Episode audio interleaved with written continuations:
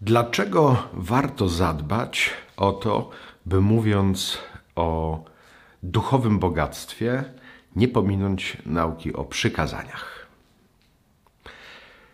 Ewagriusz mówi, bardzo warto się o to zatroszczyć, żeby mówiąc o duchowym bogactwie, nie pomijać tego, co wynika z naszego starania i z naszej ascezy że najzwyczajniej nie da się przyjąć w pełni duchowego bogactwa, jeżeli nie praktykujemy ascezy, czyli nie staramy się zrozumieć, o co chodzi w Bożych przykazaniach. To, co słyszymy, nie będziesz, nie będziesz, nie będziesz.